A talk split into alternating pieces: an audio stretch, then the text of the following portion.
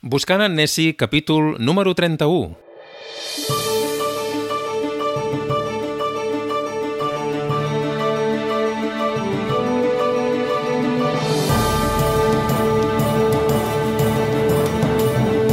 Això és Buscant en Nessie, el podcast on parlem d'Escòcia, dels seus paisatges, els seus costums i tradicions i de la seva gent.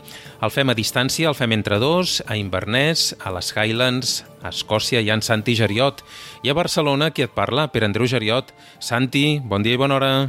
Hola, bon dia. Escolta'm, abans d'entrar a parlar del tema, avui parlarem d'animals, animalades, a Buscant en Nessie, hem de fer referència a aquell capítol on vam parlar de l'illa de Skye, perquè la Patricia Cuní ens va escriure també a través de, de Twitter i et donava la raó, Santi. Recordem que la Patricia és una catalana que viu a Escòcia des de l'any 2005, que té un blog que es diu matabouttravel.com. Diu de Sky que és una illa preciosa, però en temporada alta pot semblar PortAventura i, per desgràcia, la massificació turística està expulsant la gent local perquè els investors compren les cases per convertir-les en Airbnb i els preus estan pels núvols. Realment pot semblar Port d'Aventura, l'illa de Sky, Santi? Mm, gairebé PortAventura potser no, però sí que realment veus la massificació turística i Sky és un dels indrets, no ja només de les Highlands, sinó de tota Escòcia, que sí que està, està massificat i, i realment és el que deia, no? Vull dir, arribes als llocs i, clar, veus la gent que ha agafat el negoci i, en canvi, la gent autòctona doncs eh, no té més remei que, que anar-se'n del lloc, amb la qual ja no és el mateix. Ha perdut encant, llavors, Sky, eh? Bé, suposo que el tema, sobretot, de construir aquell pont amb la qual és molt més accessible a tothom visitar la illa abans, clar, és com deia, o, o agafaves el ferri o no hi havia manera d'anar-hi. Llavors, clar, avui en dia tot aquest de turisme i turisme low cost és molt més fàcil accedir als llocs i sí, és una llàstima, però és, és el món amb, amb el que vivim. En tot cas, moltes gràcies a la Patrícia per deixar-nos aquest i altres comentaris a través de les xarxes socials. Avui, ho deia abans, parlem d'animals, Santi. Sí, avui us volia parlar de, sobretot els animals eh, silvestres, animals eh, salvatges que podem trobar a les Highlands o a qualsevol lloc dintre d'Escòcia. Ara que parles de les Highlands, entenc que el primer que sortirà són les vaques. Sí, efectivament, les Highland Cows, o les Cus, com diuen per aquí, les Highland Cows són realment una raça única en el bestiar. Bé, us podeu imaginar una vaca que és peluda de, de cap a paulles, mai millor dit. Vull dir, té unes banyes prominents, unes banyes tan o més grans que d'un brau i realment són molt resistents. Home, per aguantar el, el vent i la pluja que fa aquest país s'ha de ser resistent. I aquesta és un animal que té tots aquests qualificatius doncs, per viure a aquestes terres. Són eh, de color marró, oi, normalment? Bé, són sí, marró clar, sí, sí, d'un marró clar. I peludes, peludes. Sí, sí, tenen un llarg pallatge que, que les diferencia de qualsevol vaca del món. De fet, no, no queden gaire, gaire ramats, malgrat jo n'he vist. N'he vist fins i tot al carrer. Ho digui, allò que vas amb, per la carretera per la costa oest o entre llacs i de cop i volta et trobes eh, 5 o 6 eh, Highland Cows estirades al mig del carrer, saps? Que, clar. Però a més se les veu superdòcils i vull dir, tu pares el cotxe, la vaca et mira, s'aixeca, se'n va fora de, de la carretera, vull dir, no, és un espectacle. I donen llet. Sí, donen llet, de fet és eh, una de les eh, qualitats que tenen és la llet que dona i dona carn també, sí, sí. Però sobretot la fan servir més com a pastura. Per què? Perquè clar, com que és una vaca tot terreny, mengen qualsevol herba que, que hi hagi, m'entens, pels camps. Llavors és, és una manera eh, fàcil, barata fins i tot, de mantenir tot, tot els camps. Seria una mica l'animal singular d'Escòcia, no? Seria, després de l'anesi, aquell element animal més associat a Escòcia, no? Sí, diria que la foto de la, de la Helen Cow mirant a la càmera seria una icona i l'altra ja podríem anar directament al cèrvol. El cèrvol, que també és un animal salvatge, oi?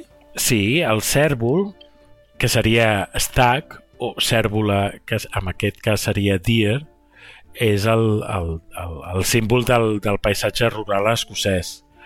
I realment veure, per exemple, jo l'he vist, una lluita de dos estacs amb les banyes, és com una mena de, de ritual per seduir a la femella, llavors eh, fan aquesta mena de lluita entre, entre banyes, entre els dos cèrvols, i és impressionant. Jo ho he vist de lluny, però m'han dit que si fins i tot ho veus de prop i sents el cruixir de les banyes entre ells, és, realment és espectacular.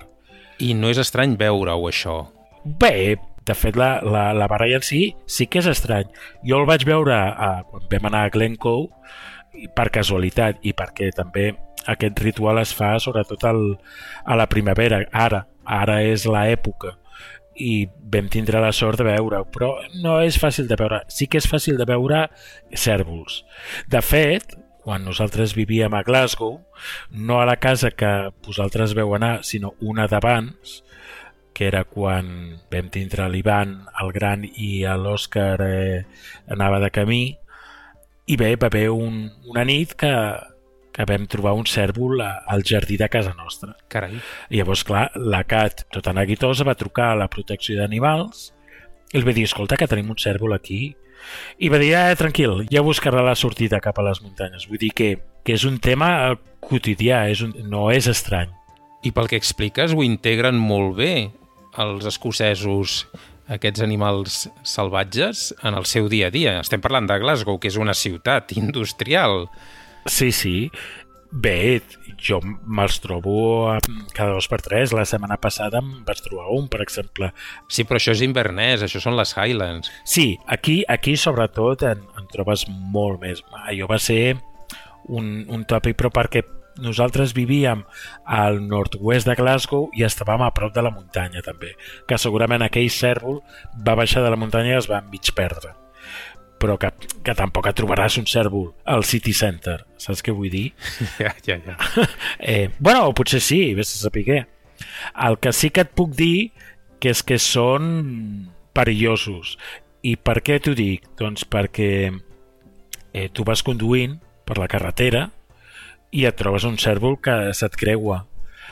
Igual tens sort, se't creua, o igual no tens tanta sort i se t'empotra dins del cotxe al llarg de l'any a Escòcia hi ha moltes morts per culpa dels cèrvols que han invaït la carretera o bé han produït l'accident o bé s'han estampat directament contra el cotxe. Eh, L'any passat, per exemple, una amiga de la CAT va tindre aquest, aquest accident. Un, un cèrvol al mig del no-res es va creuar bueno, no es va creuar, es va estimpar a dins del cotxe.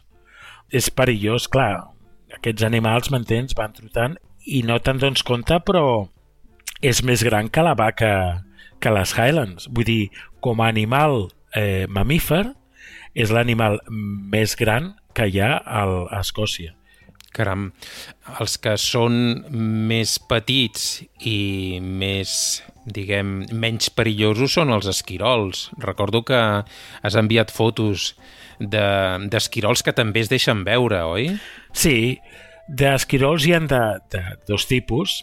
Està l'esquirol gris, que com el meu sogre diu són tree rats, rates d'arbre, que de fet són molt populars a qualsevol parc de qualsevol ciutat o poble escocès. Són bastant eh, incòmodes, eh, sobretot si tens la mala sort de que se't pugen... Bueno, saps que aquí vivim en cases, clar, les cases tenen unes golfes i els esquirols eh, normalment eh, s'hi pugen a les golfes i s'hi estan. Veus que bé? Sí. Què passa? Que mosseguen tots els cables i fan una destrossa realment important i són bastant agressius. Vull dir que s'enfronten. Si els hi plantes cara... De veritat? sí, i tant, i tant. Ostres, jo em pensava que els esquirols eren animals més aviat pacífics i molts estàs pintant com gremlins, eh? No, però vull dir que... Aviam, estan els vermells, els esquirols vermells, que aquests sí que ja no te'ls trobes ni a la ciutat ni als parcs, aquest dia te'ls trobes als, als boscos, i aquests sí que són bastant esquerps i, i fugen de tu només veure'ls. Però jo he tingut la sort de veure'n bastants, i la Lola també, moment, espera't, ja, jo ja sé que hi ha oients que saben que la Lola és la gossa, però parles de la Lola com si fos la Lola Flores. Saps què vull dir? Sí, no. Sí, no, la Lola és la, la meva gossa. Oh, la teva, la teva i la de la família, no? Pues sí, també és veritat. Pues és la gossa de tots, sí. Però clar, quan, quan anem, normalment anem caminant i de cop i volta la veus eh, flatxada que se'n va cap a un arbre. I clar, quan arriba l'arbre, l'esquirol ja està dalt de tot. El veus trepant l'esquirol cap amunt. Alguna vegada l'esquirol ha tingut algun ensurt. Saps que l'esquirol no sé què pensa i la gossa va cap allà fins a l'últim moment. Però gràcies a Déu encara no, no ha fet cap queixalada. Però sí, el, el, els eh, esquirols vermells són molt macos de veure'ls però vaja, me'ls has pintat bastant pitjor de com els imaginava, els esquirols i les guineus, que també n'has vist unes quantes, són els dolents dels contes. Ara em diràs que, en canvi, les guineus escoceses mm, són el contrari que els esquirols, o no? No. Les guineus no són gaire millors que els esquirols grisos. Puc dir que a les Highlands no n'he vist, de guineus. A Glasgow sí, una pila de vegades. De fet, eh, una altra vegada, al mateix lloc on vivíem hi havia un, un niu de, de guineus i, de fet, jo me'n recordo quan fumava, que ara porto ja un any i, i un parell de mesos que no fumo, per cert. Torno, torno a dir que això és bonic de sentir. No, doncs això, que ja no, ja no hi ha fums a casa. Molt bé. De, de fet, no hi ha hagut mai fums a casa, per això et deia de que jo quan sortia fora a fumar i me'n recordo de trobar-me tota la família de guineus, mare, pare i fills, passant just per davant meu, sense cap escrúpol, saps? A dir, eh, clar, jo, jo pensant, bueno, perdona, però que estic aquí... No, no, no, cap problema, tu. I bàsicament es movien de nit entre les escombraries per agafar menjar i era curiós. El que sí que no et recomano és eh, quan els escoltes cridar, jo me'n recordo una vegada que li deia a la Cat, dic, això és que estan matant un cri, un bebè, i diu, no, no, és la veu d'una guineu. O sigui, és una veu d'un home petit que realment crida com patint, saps? Vull dir, Carai. fa cosa, fa cosa d'escoltar-lo. De, sí, sí, en sèrio. Quin mal rotllo, no? Molt, molt, molt. Bé, has parlat de les vaques, de les Highlands, dels cèrvols, que és l'animal més gros que podem trobar en aquell país. Després parlaves d'animals més petits, no? dels esquirols i les guineus. I què més trobaríem? La fauna veig que és variada. Ara on ens portes? Doncs mira, ara et eh, porto un animal que de fet no és eh, gens comú, de fet a tot el Regne Unit, que són les serps. Jo diria que de serps no n'hi ha gaires, de fet no n'hi ha gairebé eh, cap, però sí que en podem trobar una al nord d'Escòcia que es diuen adders. Bé, la serp en si té un perfil baix. Què vull dir amb un perfil baix? Eh, no és agressiva. Realment no t'atacarà si no la trepitges. Ara, has d'anar en compte, depèn de per on vagis, si la trepitges, clar, et pot mossegar i llavors sí que tindrem un disgust, perquè és l'única serp, de fet, del Regne Unit, que és verinosa. És verinosa, però no és mortal. Ara, això sí que t'enduràs un bon record. Caram, i això eh, la trobaríem a on? A, a les muntanyes, a, a qualsevol part del, del nord d'Escòcia, de les Highlands, però la trobaries d'abril a setembre, cap a la primavera i estiu, perquè després es passa mig any a sota terra i hivernant. I ja et dic, no són agressives ni perilloses, vull dir, fins i tot si la veus, no t'atacarà. Només si la trepitges i li fas mal, clar. I parlant d'animals així exòtics o fins i tot no, no tan comuns però que te'ls pots trobar a Escòcia, tenim el gat eh, salvatge escocès. El gat salvatge escocès és més gran que un gat normal, que un gat eh, domèstic, que, que, que el que podem trobar per casa. Són diferents perquè veuràs que tenen la pell i la cua molt més tupits, molt més, eh, la pell molt més grossa i són grisos amb, amb unes ratlles fosques. De fet, si en veus algun, tindràs molta sort, perquè diuen que no hi ha gaire més de 100 avui en dia a tota Escòcia. O sigui, és un animal en vies d'extinció, el gat salvatge escocès. Sí, sí, sí. De fet, no n'he vist mai cap, jo. Ara que parles de, de gats, en aquest cas és un gat salvatge, la gent acostuma a tenir com a animal domèstic, animal de companyia, gossos i gats, com a Catalunya? Sí, sí, sí. Exactament igual.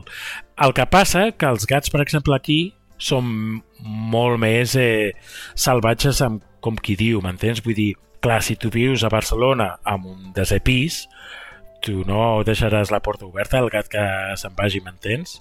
perquè es fotrà de cap avall i malgrat tinguin set vides d'un desè pis eh, dubto que, que, en, que en surti en canvi aquí, com que tothom viu en cases i ja no dic les Highlands que és un lloc bastant rural, el gat surt fora, m'entens? I potser ve a casa a dormir i a menjar i es passa la resta del dia fora.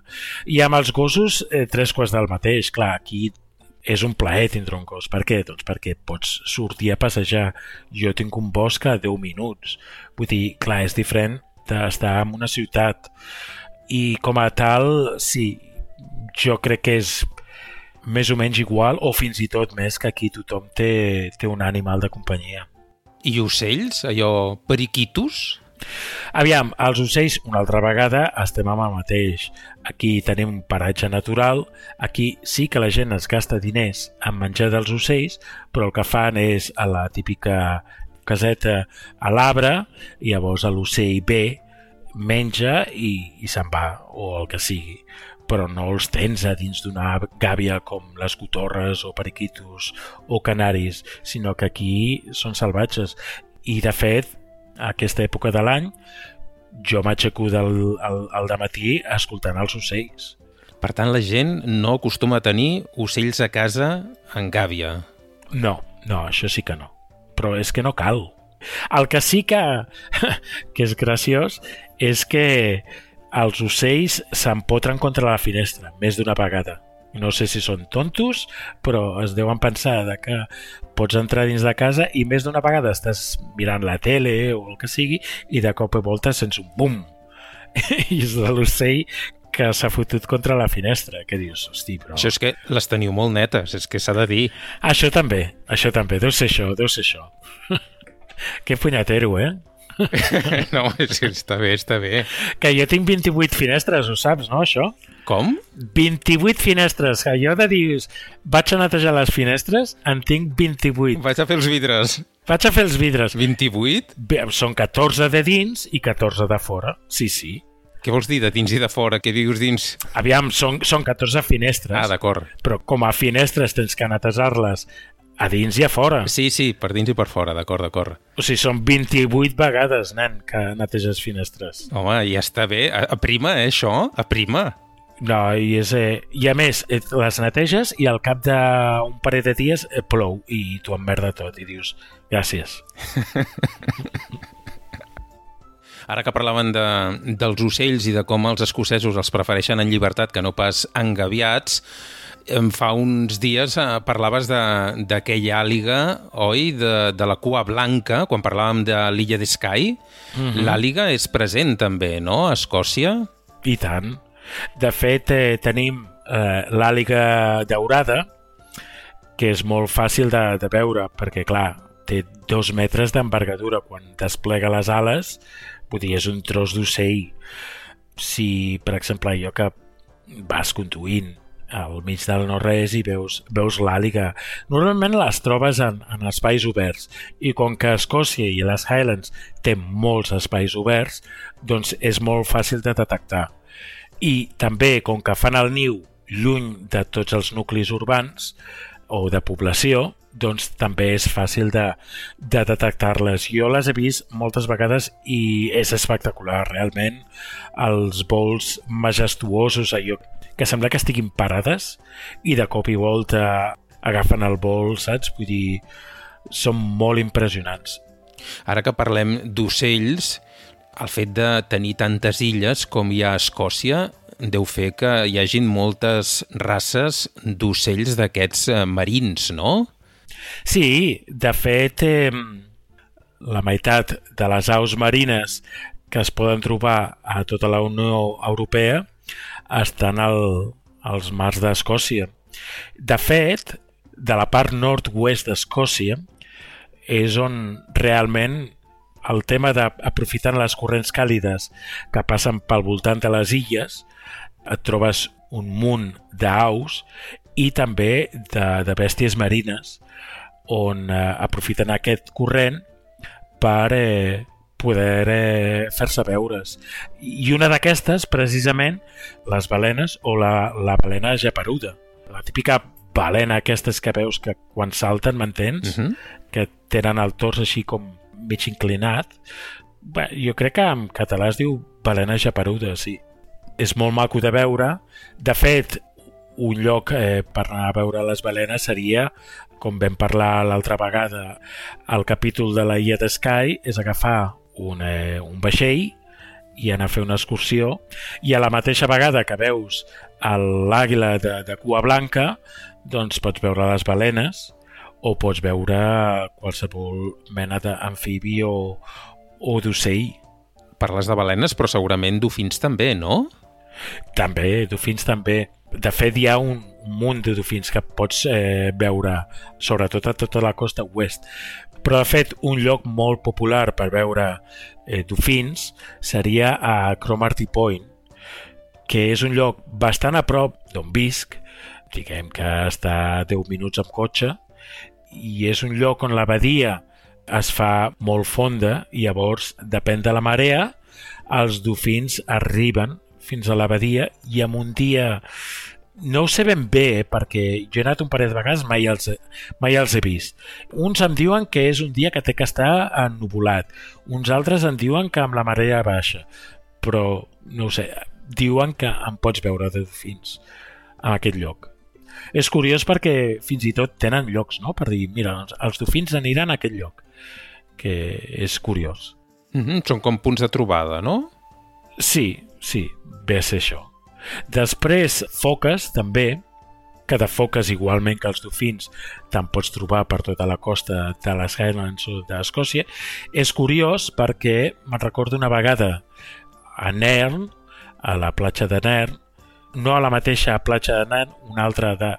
Nosaltres li diem la Secret Beach, no? la platja secreta. Però amb tot aquest tema de confinament és de tot menys secreta, perquè sempre trobem una pila de gent allà. Secreta per vosaltres, perquè no ho heu dit a ningú. Ja no ho és, ja no ho és. Era secreta, però ja no ho és. Però això és perquè escolten el podcast. Deu ser, deu ser que tothom escolta, sobretot aquí a la gent d'Invernès, no, em pesa saber. De totes maneres, abans sí, jo me'n recordo fa 3-4 anys anàvem allà, no hi havia eh, ningú i avui en dia sí, trobes gent. De totes maneres, me'n recordo una vegada l'Òscar i la Lola, la, la gossa, doncs jugaven a l'aigua i de cop i volta hosti, veus un caparró que sobresurt... La Nessie. I, clar, tu penses, la Nessie no, però és massa petita. I, no, no, era una foca, però que, t'ho juro, estava a 10 metres de l'Òscar.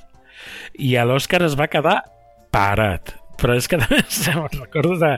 Tothom es va quedar parat. Clar, entre que jo vaig treure el mòbil, vaig posar el tema foto-vídeo, vaig captar res, dos segons de, del vídeo i ja no va, no va sortir més.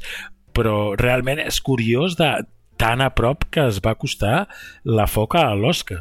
I us explico un altre exemple, que és quan vàrem anar a Applecross, que és un indret que està al nord d'Inverness, a les Highlands, que és molt maco de veure i té un, una riquesa i un munt de llocs per anar-hi, doncs una de les activitats que van fer la Cat i els nens va ser anar amb caiac a través de la, de la costa i mentre la gossa va decidir saltar una tanca a visitar les Highland Cows, que em vaig posar jo frenètic, eh, doncs ells anàvem en caiac i em deien que les foques els anaven seguint. Però els anaven seguint no una o dos foques, no, no, 20 foques i realment molt a prop d'ells també. Malgrat que diuen que les foques són animals eh, molt tímids, realment no tenen por a acostar-se a la gent i és curiós. Més enllà dels esquirols i les guineus, que deies que, vaja, en certa manera es podien enfrontar amb els humans, o, o si més no, no, no tenien por de les persones, i de la serp, que sí, que si et pica una serp de, del nord d'Escòcia, doncs més val que, que t'afanyis, però no hi han animals realment perillosos, no, a Escòcia, Santi? No. De fet, eh, de tots els animals, el més perillós et podria dir que és el tic, que són les paparres, que són aquells animalons que tu vas caminant i de cop i volta, no només per tu, sinó pel, pel gos sobretot, se t'enganxen a la pell i depèn de qui sigui et pot produir la mort. Carai. Sí, sí, és, eh, és qüestió sèria aquesta. De fet, la, la, la gossa cada any doncs li donem unes pastilles per repel·lir aquests animals, però poden ser bastant desagradables. Però sí, sí, no hi ha, no hi ha animals. Per exemple, tu pots pensar en animals perillosos, doncs els, els llops o els ossos, i aquí, aquí no. Aquí diguem que a principis de l'edat mitjana eh, els ossos es van extingir i a mm, finals del 1700 van ser els llops que suposo que de donar-li tanta cacera també es van extingir. I zoos? N'hi ha de zoos? Sí, n'hi ha. Hi ha una a Edimburg. Jo vaig anar amb els nens una vegada i sí, està bé. Veus els animals, però els veus patir, m'entens? Vull dir, clar, veus un lleó o un tigre, que és un animal realment de secar, no? que dius, hosti, necessita la sabana, o... i, hosti, veus Escòcia que està a 5 graus, m'entens? I realment et fa pena. Sí que hi ha, però bueno, és com el de Barcelona, eh? Sí que n'hi han, però no, a mi personalment no m'agrada anar al zoo. Bé, hem fet una repassada per la fauna escocesa i no has dit res de la Nessie, nano. No. La Nessie, què? És, és monstre, però és un animal, no? És un animal, és un animal eh, també bastant eh, cautelós, que no vol ni que se'n parli, però, mira, com ara m'estàs dient d'animals així mítics, et podria dir que l'unicorn, per exemple, és l'animal oficial d'Escòcia. Ostres, l'unicorn, que era un cavall amb una banya, no? És això? Un cavall amb una banya al mig, sí, sí. De fet, és, és una mitologia que ve de fa segles, de fet ve dels babilonis i fins i tot dels hindús, però també hi ha la cultura cèltica. Bé, de fet, pots veure un unicorn afegit a l'escut reial escocès cap al 1600. És un animal molt tradicional on el pots veure per tot arreu. El pots veure a Edimburg, el pots veure al, al castell, el pots veure al, al Parlament escocès, el pots veure al castell de Stirling, el pots veure a Dundee, el pots veure als mobiliaris, com a armaris, com a taules... Bé, bé, el pots veure, pots veure una representació, l'unicorn no el deus haver vist, no? Efectivament, això és el que anava amb això anàvem, que el pots veure tallat a tot arreu. Però, de fet, és un animal que pels escocesos els identifica, no? Perquè, bueno, diuen que amb el seu amb la seva banya doncs purifica l'aigua i per això l'aigua està tan neta. I és un animal que de fa segles, doncs mira, els escocesos eh, els, eh, els enamora. Deies que des del 1500 forma part de l'escut d'Escòcia. És això, eh? De fet, eh, l'unicorn no us estranyi veure'l representat a qualsevol escut, ja sigui del govern escocès, com de l'escut d'armes, com de la realesa escocesa. És omnipresent. Bé, per avui ja n'hi ha prou. Tanta animalada, Santi, què et sembla? Ho deixem aquí? I tant, sí, sí, ja n'hi ha prou.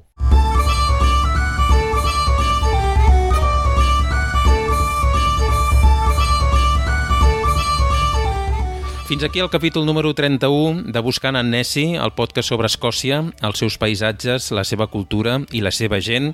Si penses que el que has sentit li pot agradar algú més, doncs no et faci res compartir aquest àudio en tot aquell qui vulguis a través de les xarxes socials, per WhatsApp o el que prefereixis. I si vols contactar amb nosaltres, ho pots fer per correu electrònic a buscantennessi.gmail.com o a través de Facebook, Twitter o Instagram. A més, tenim un blog a internet on també trobaràs tots els capítols que hem fet fins ara. L'adreça és buscantennesi.wordpress.com Santi, moltes gràcies i fins d'aquí 15 dies.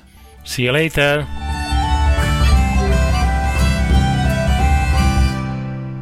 Però el Nessie existeix o no?